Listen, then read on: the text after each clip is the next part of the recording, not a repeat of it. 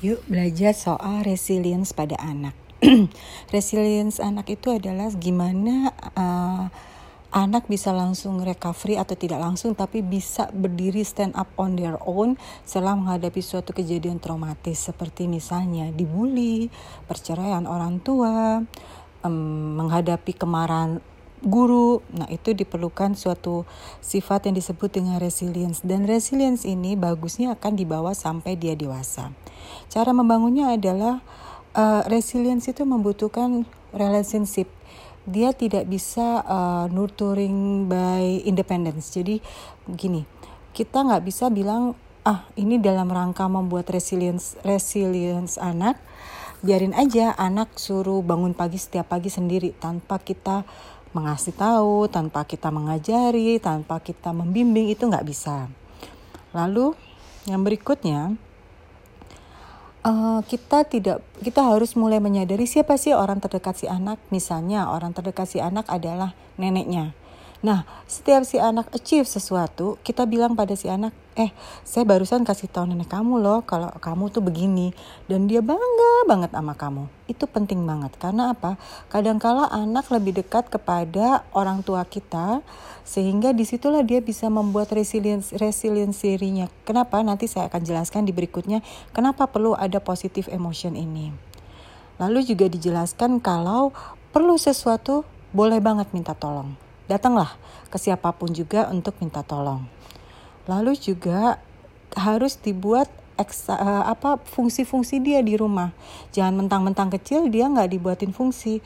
Misalnya dibuat rutinitas. Oke, mulai sekarang tiap kam kamu bangun tidur, habis bangun tidur kamu setiap jam 6 tolong bantu uh, tugas kamu adalah bertanggung jawab pada uh, cuci piring ya misalnya seperti itu. Jadi semua tugas cuci piring yang jam 6 pagi itu adalah tugas dia. Kalau dia berhasil kita kasih uh, kita kasih award. Kalau dia nggak berhasil kita ulang lagi kenapa sampai nggak berhasil. Jadi jangan dicuekin aja.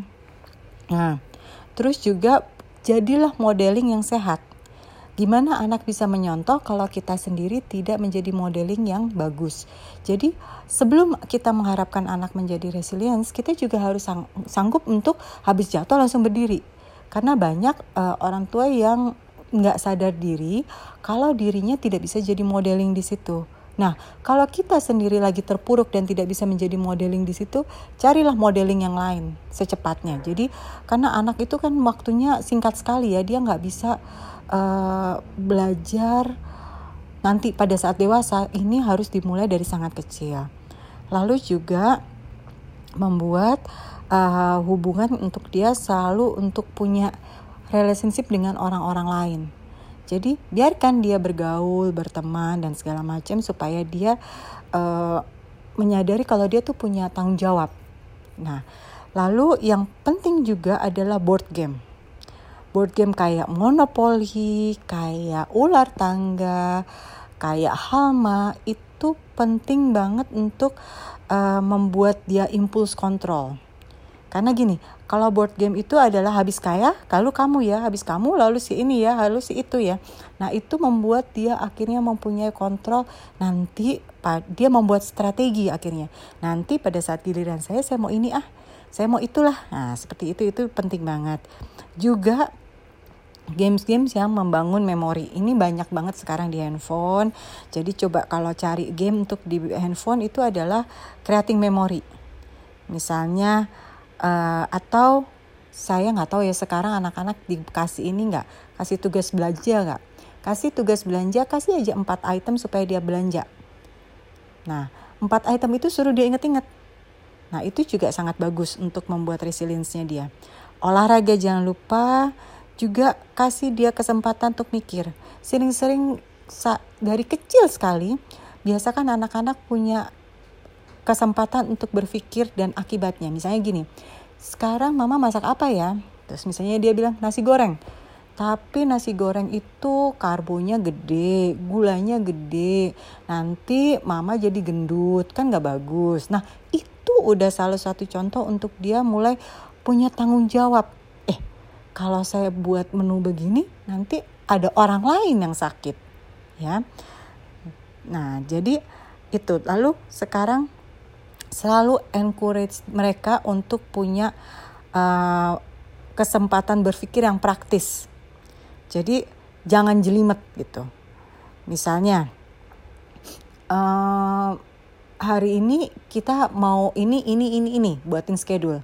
Untuk mencapai suatu schedule-nya itu beri dia kesempatan gimana sih supaya tercapai tugas-tugas itu.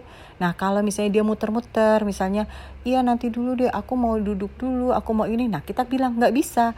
Jam segini sampai jam segini bukan waktunya untuk duduk-duduk. Jam segini sampai segini kamu harus aktif yang kayak gitu-gitu ya. Lalu exercise sudah pasti yang kalau bisa melibatkan tangan dan kaki. Lalu uh, yang paling penting adalah kita kasih optimis kalau dia setiap kali lihat orang tuanya bilang aduh kalau kayak gini kita mm, nggak mm, punya duit. Kalau nanti kita begini nanti kita sakit badannya. Nah itu udah negatif impact ya. Nah itu biasanya tidak bisa membuat anak menjadi resilience. Jadi kasih kesempatan dia untuk berpikir positif. Misalnya kita tahu sih sebenarnya kita nggak punya kemampuan untuk membeli A. Nah kita ajak anak kita berpikir look mama ini penghasilannya cuma seribu barangnya kamu mau beli tuh harganya lima ribu gimana ya caranya supaya kita bisa mencapai target lima ribu itu pada certain waktu Nah, ajak dia berpikir, ajak dia berdiskusi, supaya di situ dia punya tanggung jawab untuk resiliensinya dia. Pada saat misalnya tidak tercapai, dia juga tahu itu karena keputusan yang mereka kita ambil bareng-bareng dengan si anak. Nah, jangan misalnya kadangkala kita lemah hati begitu ngelihat si anak pengen ya udah kasih aja deh gitu. Nah itu yang akhirnya membuat anak tidak struggle dalam life-nya dia. Nah tapi juga jangan kita uh, uh, berkeluh kesah misalnya ya nggak ada uang. Boleh sangat boleh kasih tahu kenyataan hidup kita susahnya kita nggak punya duitnya kita uh, lagi melonya kita kasih tahu aja ke si anak. Nah tapi yuk bareng-bareng sama anak diskusi bagusnya apa nih? Gimana ya? Apa yang harus dilakukan uh, gitu. Terus udah gitu ingetin dia untuk reframe. Re reframe itu adalah gimana? Jadi misalnya gini si anak misalnya lagi down 10 tahun kemudian eh atau lima tahun kemudian kita ingetin ingat nggak? Waktu kamu masih kecil tuh kamu suka begini begini begini begini. Nah itu yang disebut dengan reframe Kenapa? Jadi dia punya percaya diri. Eh iya ya, dulu saya pernah jatuh dari sepeda, terus bisa berdiri lagi dari sepedanya. Nggak sakit tuh kan? Iya. Nah, yang kayak gitu-gitu tuh penting. Jadi bukan seperti kita uh, membiarkan ah anak ini udah gede deh gitu. Lalu kalau kita mau tahu anak kita lagi down atau enggak, gampang sekali lihatnya. Yuk lihat anak kita overweight atau terlalu kurus itu semua tanda-tanda adalah dia tidak punya resilience pada dirinya. Jadi ajarkan anak untuk bertanggung jawab pada dirinya dulu, baru dia akan mau mulai bertanggung jawab pada lingkungan sekitarnya. Ya, selamat mencoba.